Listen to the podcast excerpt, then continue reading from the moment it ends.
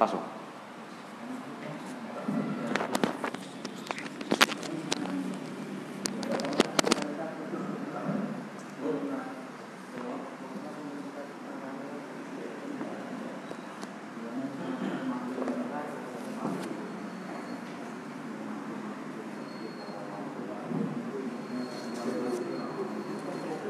Bismillahirrahmanirrahim Assalamualaikum warahmatullahi wabarakatuh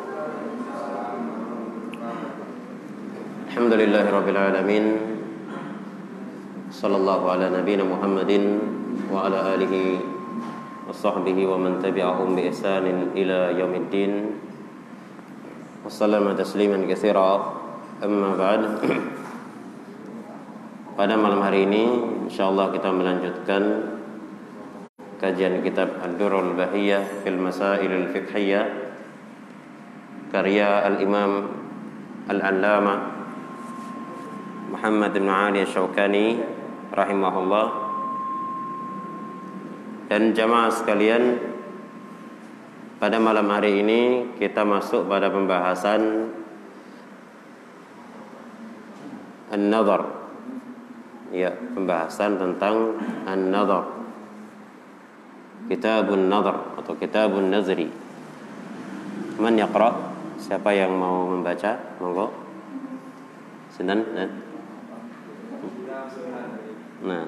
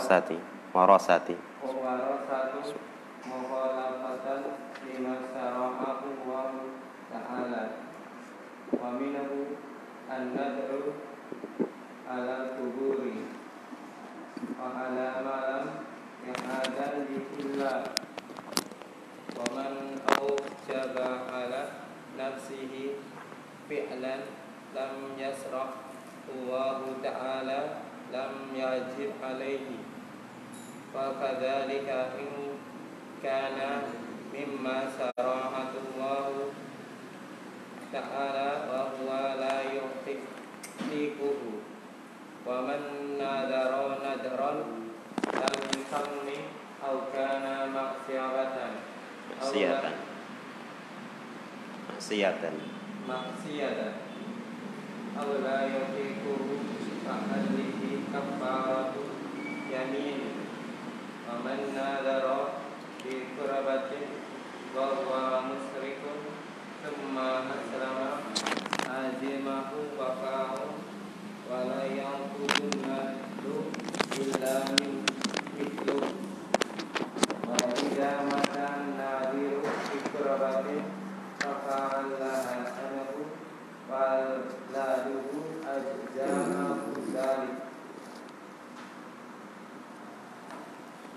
kitab nadar nadar hanya dikenalkan apabila ditujukan untuk mencari ridha Allah Subhanahu wa taala.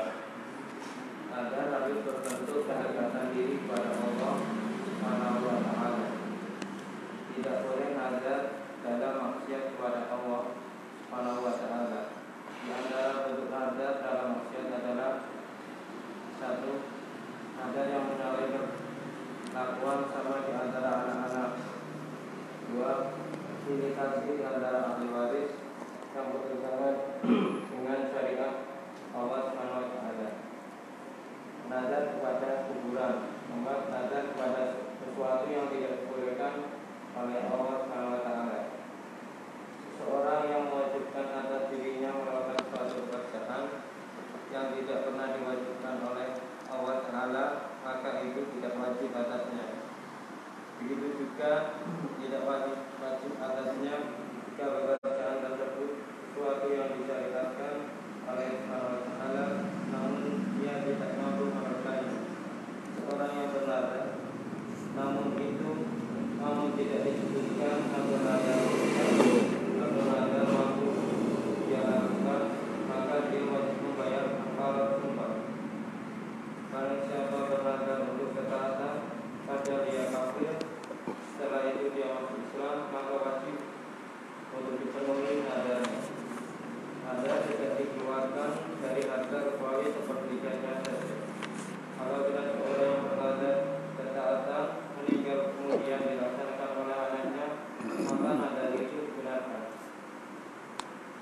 sebelum kalimat siapa yang bernadar tidak disebutkan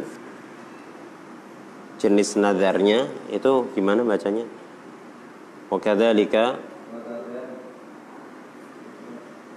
in kana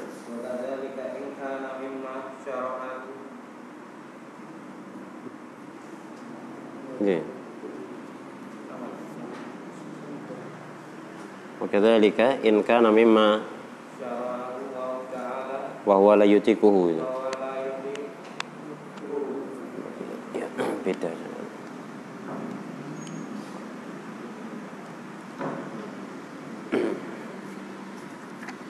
Bismillahirrahmanirrahim. Musta'inan billah. Kita masuk pada pembahasan kitabun nazar. Tadi sudah dibacakan matan dari kitab Adurul Bahiyah fil Masailil Fiqhiyah karya Imam Syawkani rahmatullah alaih. Berikut juga terjemahannya. Dan jemaah sekalian, nadar secara bahasa ya adalah atau nadar kata Syekh Abdul Hasan Ali Ramali hafizahullah taala dalam syarah beliau terhadap kitab Ad-Durur Al-Bahiyah أصل النظري الإنذار. أصل النظري الإنذار. معنى dari kata النظر adalah الإنذار atau berasal dari معنى الإنذار. بمعنى التخفيف بمعنى التخفيف والإيجاب. yang maknanya menakut-nakuti dan mewajibkan. هذا asluhu اللغوي. Ini makna asal kata an-nazar secara bahasa. At-takhwif wal ijab. Ya, takhwif artinya menakut-nakuti, al-ijab artinya mewajibkan. Adapun secara syariah ya e, pendapat yang terpilih terkait pengertian nadar adalah ilzamul mukallafin nafsahu ibadatan lam takun lazimatan fi asli syar'i ya. ilzamul mukallafin nafsahu seorang mukallaf mewajibkan dirinya ibadatan melakukan suatu peribadahan seorang mukallaf dia mewajibkan dirinya untuk melakukan suatu peribadahan lam takun lazimatan bi asli syar'i yang mana ibadah tersebut ya dari sisi dalil syar'i tidak wajib yang mana nadar tersebut dari sisi dalil syar'i tidak apa? Tidak wajib. Jadi ini pengertian nadar jemaah. Seorang mukallaf, seorang mukallaf artinya seorang yang diberi beban syariat. Yakni dia seorang muslim dan dia seorang akil dan seorang balik.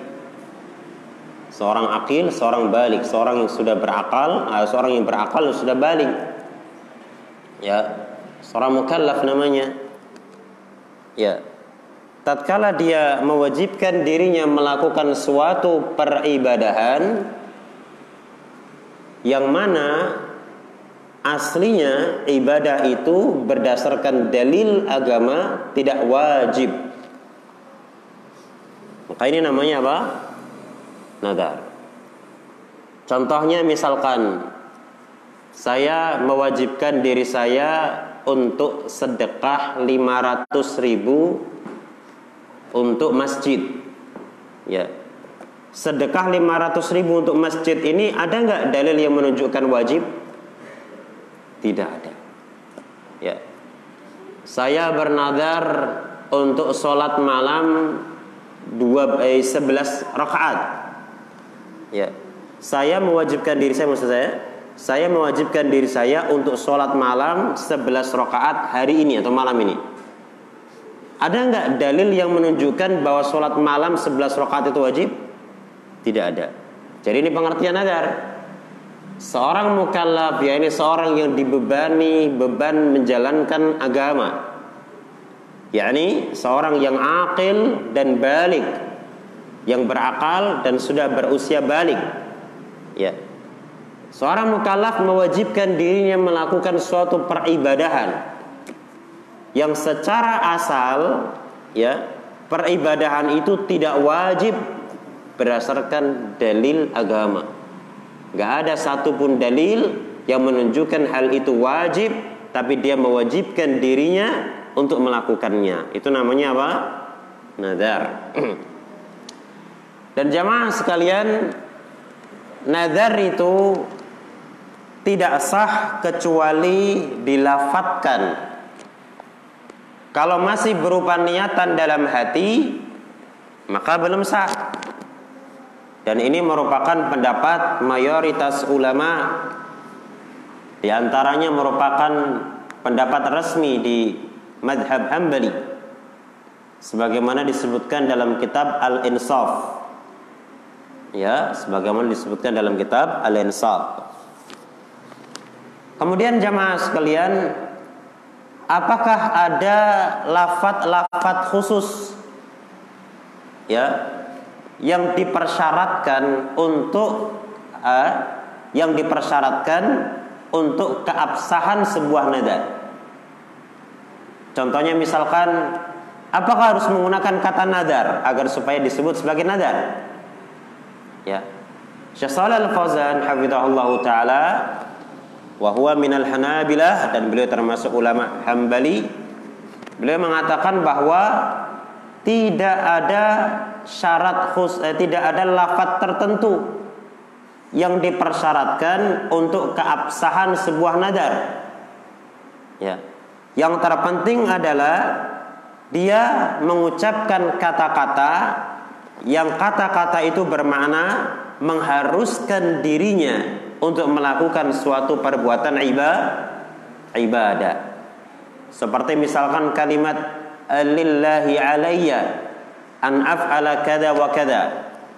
Karena ala ala ini dalam dalam uh, usul fik termasuk dari lafat-lafat yang digunakan oleh orang Arab, kata-kata yang digunakan oleh orang Arab yang bermakna kewajiban. Ya, jadi ala itu adalah kata yang oleh orang Arab itu dipakai untuk makna kewajiban. Ya. Sehingga ketika seseorang mengatakan walillahi alayya an af'ala hada an af'ala kada wa kada wajib bagi saya untuk Allah melakukan ini dan itu, maka itu juga sudah dikatakan apa? Nadar. Walaupun dia tidak mengatakan saya ber bernadar. Jelas sampai sini? Baik, selanjutnya. Al-Imam Asy-Syaukani rahimahullahu taala beliau mengatakan, "Innama yasihhu idza btughiya bihi wajhullah." Fala budda an yakuna qurbatan wala nadhara fi ma'siyatillah. Nadar itu semata-mata sah apabila dengan itu dicari wajah Allah. Seulang, nadar itu semata-mata sah apabila dengan itu ia mencari wajah Allah atau dalam bahasa yang lebih bebas Nadar itu sah kalau niatnya mencari wajah Allah. Yakni ikhlas. Yakni apa? Ikhlas. Ya. Jadi kalau niat itu tidak ikhlas, bukan semata-mata ke kalau niatannya itu tidak ikhlas, bukan semata-mata karena Allah, maka nadarnya tidak apa? Tidak sah. Ya. Seperti misalkan dia bernadar agar supaya dipuji manusia. Ya dia mewajibkan dirinya untuk sedekah 500 ribu atau mungkin 5 juta untuk masjid tapi tujuannya agar dilihat manusia ya, dia mengatakan lillahi alayya ya uh, lillahi alayya an atasaddaqa. Ya. Bikada bikada wa kada untuk Allah wajib bagi saya sedekah sekian dan sekian. Itu tujuannya agar dipuji sama orang. Itu enggak sah jemaah. Karena nazar itu sah manakala tujuannya mencari keridoan Allah Jalla wa'ala al-istikhlas. Tulus karena Allah. Kemudian kata Syekh kata Imam Syawkani rahimahullah fala budda ay yakuna qurbatan.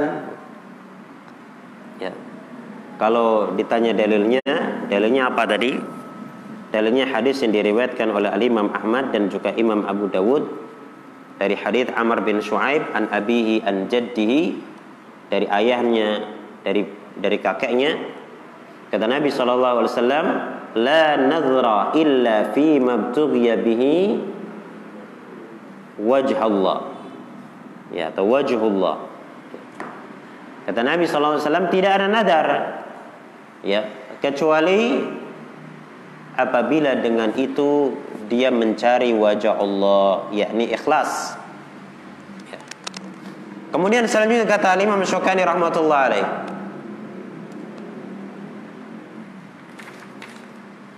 Fala budda ayakuna qurbatan. Ya dan diharuskan nadar itu berupa qurbah diharuskan nadar itu berupa apa? berupa kurba apa maksud nadar itu berupa kurba kurba itu pendekatan diri ya oleh karena itulah jamaah sekalian nadar itu harus berupa nadar taat tidak boleh berupa nadar apa? Maksiat. Karena kata Asyokani diharuskan nadar itu berupa kurba. Sesuatu yang digunakan mendekatkan diri kepada Allah Jalla wa'ala. Ya. Nah, ucapan Asyokani ini juga bisa bermakna nadar itu harus berupa sesuatu yang disyariatkan walaupun tidak wajib. Nadar haruslah berupa sesuatu yang disyariatkan walaupun tidak apa? Tidak wajib. Ya. Seandainya dia bernadar sesuatu yang tidak ada syariatnya, maka ini juga tidak benar. Contohnya misalkan nadar untuk tidak berbicara. Saya bernadar untuk bisu. Ada nggak ini syariat bisu dalam agama kita? Cuma tidak ada. Nanti akan ada penjelasan insya Allah. Jadi pertama ya, atau nazar itu harus berupa kurba. Yakni pertama harus berupa ketaatan, bukan kemaksiatan. Yang kedua harus merupakan sesuatu yang ada asal syariatnya, bukan sesuatu yang tidak ada asal syariatnya. Yang dimaksud dengan ada asal syariatnya ada perintah dari agama terkait persoalan tersebut, terkait ibadah itu. Cuman tidak apa? Tidak wajib. Kalau agama tidak pernah memerintahkan, maka tidak bisa dijadikan sebagai sebagai nadar. Seperti misalkan bisu, nggak ada perintah agama untuk bisu. Termasuk misalkan nanti akan disebutkan uh, dalam sebagian penjelasan, uh, misalkan dia nadar untuk berdiri di tengah terik matahari. Ada nggak syariat untuk berdiri di tengah terik matahari? Nggak ada. Maka berarti tidak bisa dijadikan sebagai nada karena ini bukan kurba. Jadi ucapan Asyokani rahimahullah ini wala budda ayyakuna qurbatan ada dua makna. Baik, selanjutnya. Dalilnya adalah sabda Nabi sallallahu alaihi wasallam dalam hadis riwayat Al Imam Al Bukhari.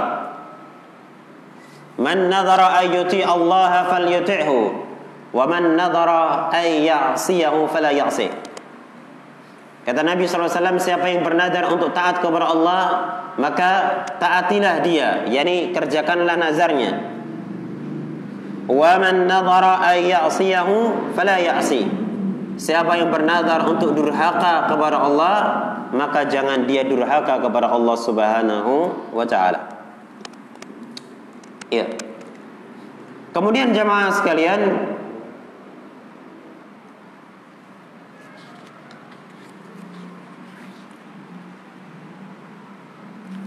Al-Imam Syaukani rahimahullahu taala beliau mengatakan wala nadhra fi ma'siyatillah dan tidak ada nazar pada perbuatan maksiat kepada Allah. Artinya tidak boleh seseorang bernazar untuk durhaka. Dan dalilnya tadi sudah disebutkan oleh Syekh oleh Asy-Syaukani rahmatullah alaih. Maka jemaah sekalian siapa yang membaca ucapan dari Al-Imam Syaukani terkait persoalan nadar ini akan menjadi jelas. Pertama, dia harus ikhlas. Ya. Yang kedua, nadar itu haruslah sesuatu yang berubah kurba, yakni ketaatan, bukan kemaksiatan. Termasuk juga harus ada asal syariatnya, bukan tidak ada asal syariatnya. Kemudian jamaah sekalian, ya mungkin biar lebih jelas dari apa yang disampaikan oleh Al-Imam Syawkani. Uh, suatu ketika, ya suatu ketika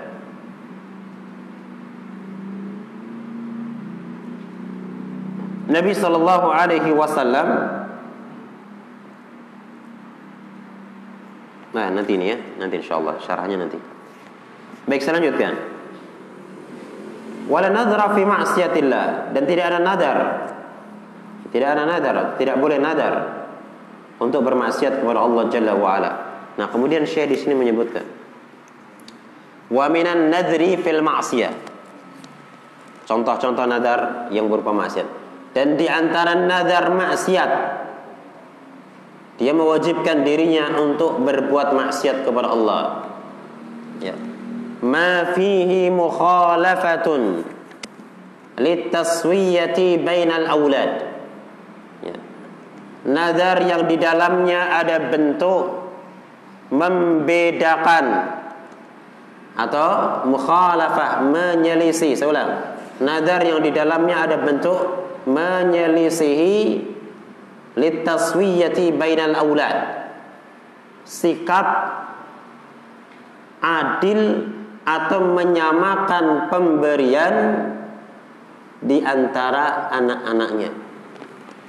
Nadar yang di dalamnya ada bentuk menyelisihi menyelisih perintah berbuat adil atau menyamakan pemberian di antara anak-anaknya. Ya. Nah, ini jadi dia bernadar untuk tidak bersikap adil terhadap anak-anaknya dalam hal pemberian. Ya. Dalam pembahasan yang lalu, dalam pembahasan yang lalu terkait dengan pembahasan hadiah, kita sudah terangkan bahwa terkait dengan pemberian atau hadiah antara anak-anak tidak boleh dibedakan. Ya, berbeda dengan nafkah.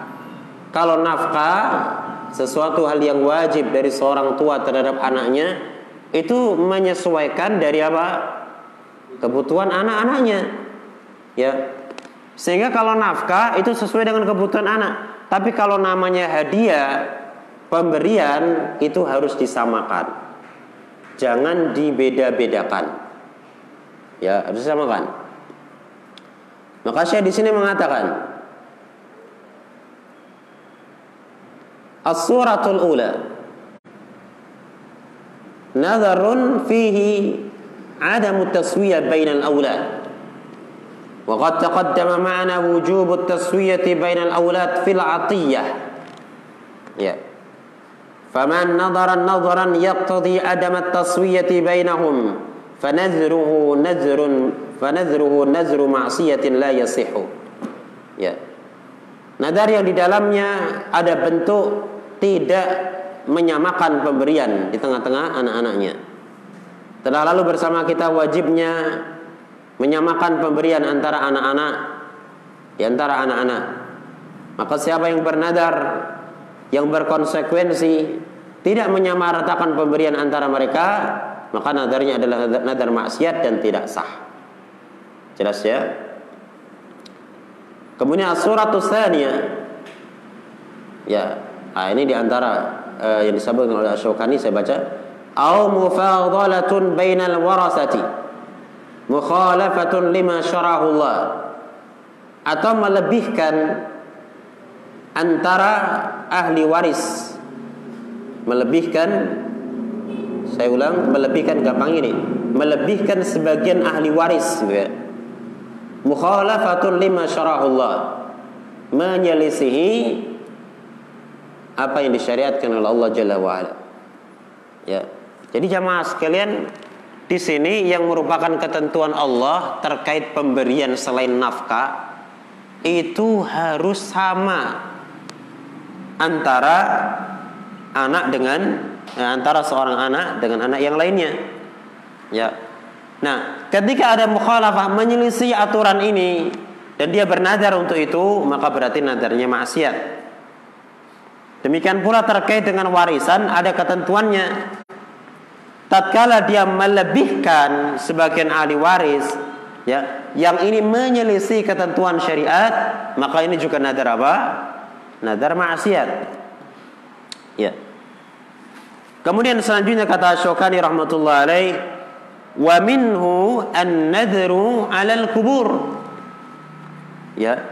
Dan di antara bentuk nadar maksiat adalah nadar nadar di atas kuburan. Apa maksudnya? Di sini jelaskan Syekh kan nadri alladhi fihi taqarrubun li sahibil qabri. Seperti misalkan nadar untuk taqarrub mendekatkan diri kepada penghuni kuburan. Ya. Jadi dia punya nadar. Dia mewajibkan dirinya untuk melakukan sesuatu dalam rangka mendekatkan diri kepada siapa? Kuburan أين الأمر بقول لك يا جماعة. كالنذر بالذبح لصاحب القبر. Seperti nadar untuk menyembeli nadar untuk menyembeli bagi penghuni kuburan.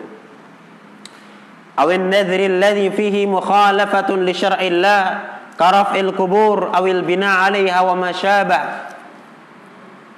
مش كراس Atau nadar yang di situ terdapat penyelisihan terhadap syariat Allah. Seperti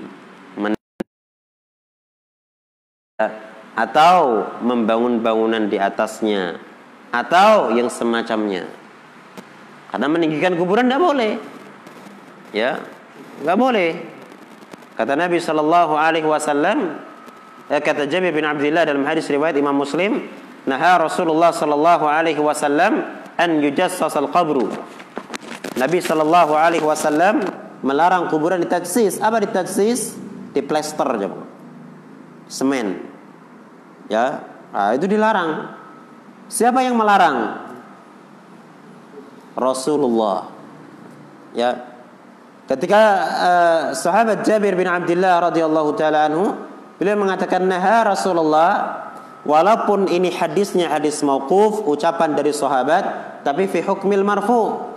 Hukumnya hukum marfu. Yakni dihukumi sebagai ucapan Rasulullah. Kenapa? Karena ketika seorang sahabat mengatakan eh, Rasulullah melarang ini jelas ya. Atau misalkan kami dilarang ya kami diperintahkan ini udah jelas. Apalagi dalam hadis itu jelas sekali. Nah Rasulullah Rasulullah melarang. Ya ini ucapan sahabat tapi sahabat menyampaikan apa larangan dari Rasulullah jelas ya kemudian jamaah sekalian di sini dikatakan au al bina alaiha atau membuat bangunan di atasnya membuat bangunan di atasnya. Kalau ada orang bernadar untuk melakukan hal itu, maka ini termasuk dari nadar apa? Maksiat. Ya. Kenapa jamaah sekalian? Karena ini menyelisihi syariat Allah. Dari mana menyelisihi syariat Allah? Karena Nabi eh, dari hadis Jabir bin Abdullah wa ayyubna alaihi. Dan Nabi melarang kuburan dibuat bangunan di atasnya. Oke, Pak. Itu waktu saya masuk muda atau masuk kecil itu apa ada kalau sekarang kok jarang, tapi dulu sering. Itu biasanya kalau ajarnya itu nanti kalau anak saya berhasil atau apa mungkin cita-cita orang tersebut itu berhasil kalau motor kambing untuk bacaan liputan misalnya. Hmm, okay, okay. Terus ada kalanya sering saya bilang dulu mungkin bahwa yang usia se kami saya itu biasanya wah saya nanti nah, mau narik lupa hmm. itu dulu itu sering saya bilang gitu yeah. itu gimana Ustaz? Iya. Baik. Ini saya break dulu ya penjelasan di kitab. Ya ada pertanyaan. Ya, eh, dulu sering terdengar nadar tentang nadar. Kalau misalkan saya kok berhasil ini, saya akan begini, saya akan begini kan gitu.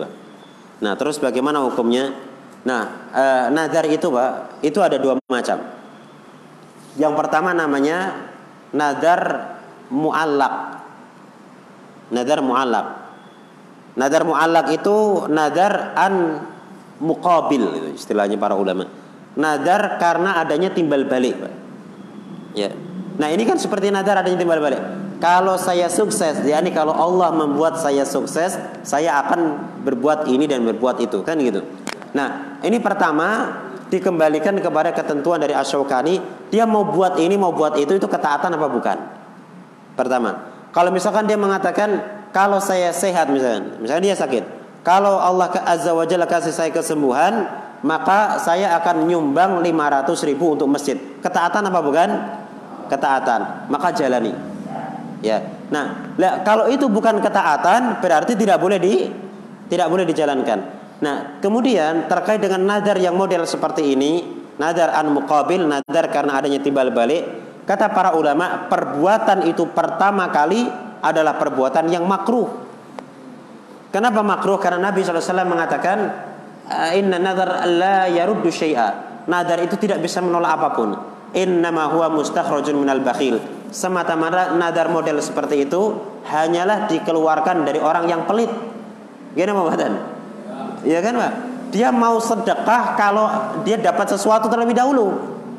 Ya, ngapain dia seperti itu? Wong Allah kasih dia nafas gratis kan? Kok nunggu Allah ngasih dia sesuatu dulu? Berarti dia ngeluarin itu karena apa? Bakhilnya. Maka kata Nabi inna huwa mustakhrajun minal bakhil.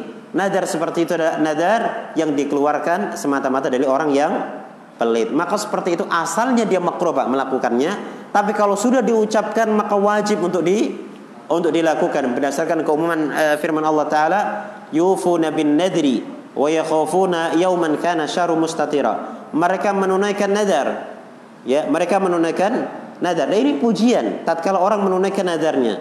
Maka Syekh Shalih bin Abdul Aziz Al-Syekh hafizahullah taala beliau mengatakan nadar dia merupakan ibadah karena Allah memuji orang yang menjalankannya. Cuman secara rincian tatkala seseorang itu bernadar karena muqabala karena adanya timbal balik mengingat ada hadis yang berbunyi innama huwa mustakhrajun minal bakhil nadar itu hanya keluar dari orang yang pelit maka e, nadar an muqabbalah tadi karena adanya timbal balik hukumnya mak makruh. Jadi jangan kita suka nadar dengan model seperti itu. Kemudian yang kedua namanya nadar mutlak. Nadar mutlak itu nadar yang tidak dikaitkan dengan e, nadar yang tidak ada kaitannya dengan timbal balik. Ya, seperti dia misalkan mengatakan gini, saya bernadar nanti malam saya mau sholat 11 rakaat. Nah, ini namanya nadar mutlak, Pak. Ya. Eh, apa alasan dia mau sholat 11 rakaat, mewajibkan dirinya untuk sholat 11 rakaat nanti malam? Bukan karena Allah memberi dia sesuatu, bukan. Nah, kalau nadar seperti ini, maka ini nadar yang tidak tidak tercela. Seperti itu. Ya, walaupun secara umum sebetulnya terkait nadar ini para ulama tidak menyarankan. Kenapa tidak menyarankan? Karena itu berat. Wong aslinya tidak wajib kok dia mewa tidak mewajibkan. Cuman istilah di kalangan mereka ada nadar yang makruh, ya, ada nadar yang e, e, tidak tidak tercela. Ya, tidak sampai dikatakan wah ini nadar yang sunnah itu enggak. Karena pada asalnya ketika seseorang mewajibkan sesuatu pada dirinya berarti dia membebani sesuatu. Sementara namanya uh, perkara yang wajib atau tidak wajib, ya itu sudah merupakan uh, syariat Islam yang dibangun di atas hikmah Allah Subhanahu wa taala. Kenapa ini wajib? Allah lebih tahu. Ketika kita bisa menjalankannya maka dikatakan wajib. Ketika kita berat maka hukumnya cuma apa? Sunnah. Makanya Nabi Shallallahu Alaihi Wasallam mengatakan dalam satu hadis, "Laula an ala ummati la amartum bisiwak ma kulli wudu." Seandainya tidak memberatkan umatku, niscaya aku perintahkan mereka bersiwak. Jadi wajib bersiwak setiap kali berwudu. Karena Nabi tahu itu berat, akhirnya tidak dijadikan wa wajib. Ya, maka dari situ asalnya ketika seseorang bernadar itu berpikir dulu jangan jangan mudah bernadar karena para ulama menasihatkan uh, sebaiknya tidak bernadar karena dia ilzam mengharuskan dirinya mewajibkan dirinya melakukan sesuatu ini merupakan suatu hal yang uh, beban bagi dirinya dan hanya Allah yang tahu mana yang cocok suatu kewajiban mana yang tidak cocok suatu kewajiban wallahu a'lam lagi oke kita lanjutkan kata syarih awil bidah alaiha Wah, ini di antara uh, beliau masih menjelaskan Wa minhu an-nadhar 'alal kubur. Di antara bentuk nadar maksiat adalah nadar e, di atas kuburan.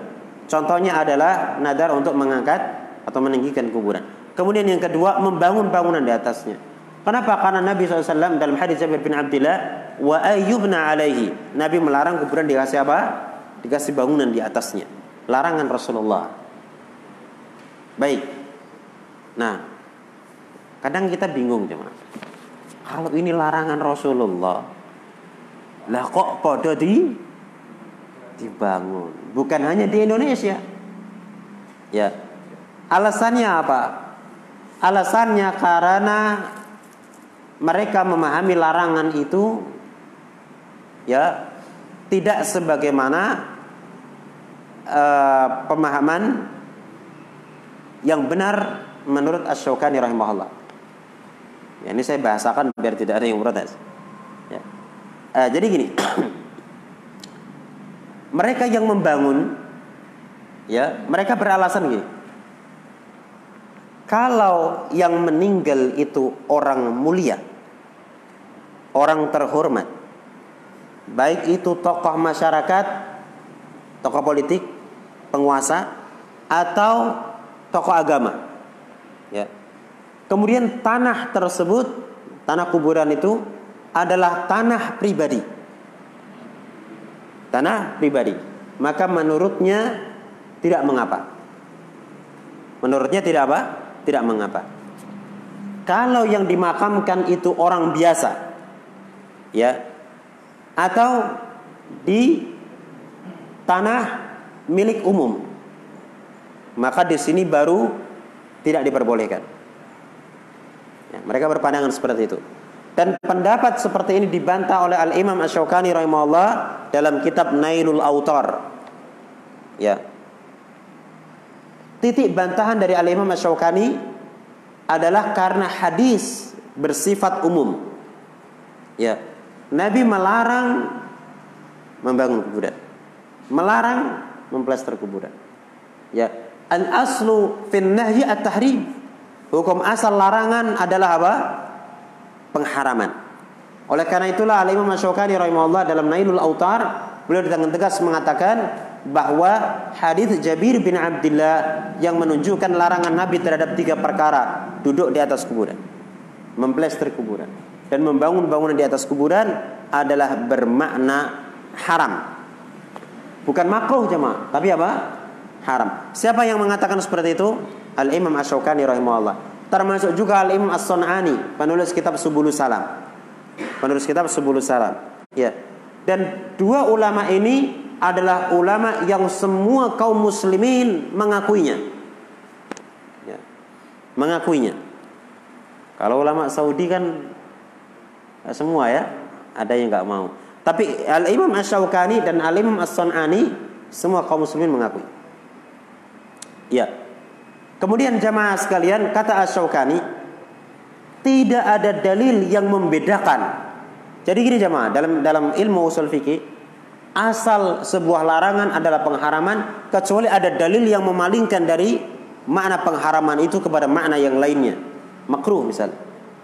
Ya. Nah, dalam persoalan ini kata Al-Imam Asy-Syaukani tidak ada dalil yang memalingkan ya sehingga hukum haram ini turun menjadi hukum makruh juga tidak ada dalil yang mengkhususkan keumuman larangan. Karena larangan sifatnya umum. Kuburan siapa pun. Tidak ada dalil yang menunjukkan kuburan orang orang khusus. Oleh karena itulah uh, Asyokani rahimahullah taala beliau menjelaskan bahwa ini hukumnya haram dan tidak dibedakan antara orang yang mulia ataupun orang yang tidak tidak mulia. Tidak dibedakan antara tanah pribadi ataupun tanah milik umum. Baik. Maka Syaukani ini punya kitab sendiri namanya uh, apa itu namanya? Syarhus Sudur lupa saya uh, judulnya. Pokoknya ini tentang tentang itu tentang kuburan itu. Jadi membagus-bagusin kuburan itu Asyaukani punya tulisan sendiri. Dan dari sini saya ingin tekankan bahwa ini adalah ulama yang semua kaum muslimin mengakuinya. Ya, bukan hanya ulama untuk kalangan tertentu saya, semua kaum muslimin mengakuinya. Baik. Berapa menit lagi Mas Isya'nya? Ya, Sebentar lagi. Sudah masuk ya? Ya. Nanti kita lanjutkan pertemuan Kira-kira berapa menit? Soal nanti kalau penjelasannya kepotong mana enak. Satu menit. Ya mas, satu menit. Dua menit yang lalu udah masuk pak? Ya sudah berarti siap-siap aja untuk sholatnya. Ada pertanyaan? Kita sambung pertanyaan saja.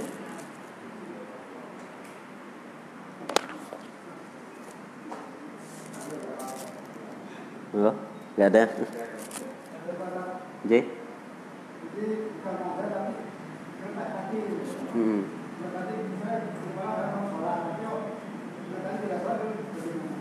Iya.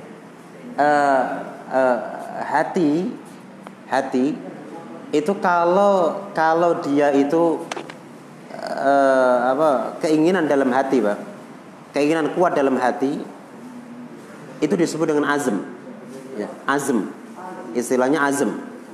Kalau keinginan kuat dalam hati itu mengiringi pelaksanaan ibadah namanya niat. Ya. Jadi misalkan jenengan pengen sholat zuhur, eh, pengen sholat isya mendekati sholat isya namanya niat. Ya. Kalau pengen sholat isya belum mendekati sholat isya namanya azm dalam hati. Tapi kalau sudah dilafatkan dengan bentuk mewajibkan untuk melakukan sesuatu maka namanya nadar. Oleh karenanya tadi di awal-awal eh, kajian nadar itu baru bisa dikatakan nadar kalau diucapkan, Pak. Jadi kalau baru kerentak tok niku berarti dereng dereng disebut nadar. Gitu. Nggih, ngoten nggih. Enggak bisa. Enggak bisa. Enggak bisa dikatakan nadar. Jadi nadar itu harus dilafatkan, diucapkan. Dia punya keinginan, kemudian diucapkan, dan e, e, mungkin saya perlu tekankan nazar itu dia mewajibkan dirinya pak mewajibkan dirinya untuk melakukan sesuatu gitu ya kalau cuman dia mengatakan nanti malam saya mau sholat tahajud itu kan dia tidak mewajibkan pak dia punya keinginan untuk sholat tahajud nanti malam namanya hmm? Iya, kalau dilaksanakan ibadah, tapi bukan nazar, pak. Jadi nazar itu dia mewajibkan dirinya untuk melakukan suatu peribadahan yang aslinya tidak wajib. Dan ini menjadi nadar yang sah ketika diucapkan. Kalau belum diucapkan tidak dikatakan nadar. Ngerti ya?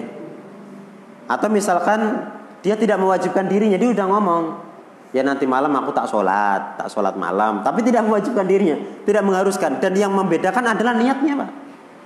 Ya. Atau misalkan pelafatan yang menunjukkan kewajiban, wajib ngomongnya aku sholat bengi karena Allah. Nah, itu berarti dia sudah sudah nadar. Tapi kalau dia baru mengatakan engkau bengi aku tak sholat bengi, nah, itu walaupun dia ucap tidak nadar. Kenapa? Karena dia tidak mewajibkan dirinya untuk melakukan ibadah itu. Cekap ya? Wallahu a'lam bishawab. Kebenaran semua dari Allah, kesalahan dari saya pribadi dan juga dari setan. Mohon maaf atas segala kekurangan dan juga kata-kata yang kurang berkenan. Tapi bihadal qadar. Subhanakallahumma bihamdika asyhadu an la ilaha illa anta astaghfiruka wa atubu ilaik. Assalamualaikum warahmatullahi wabarakatuh.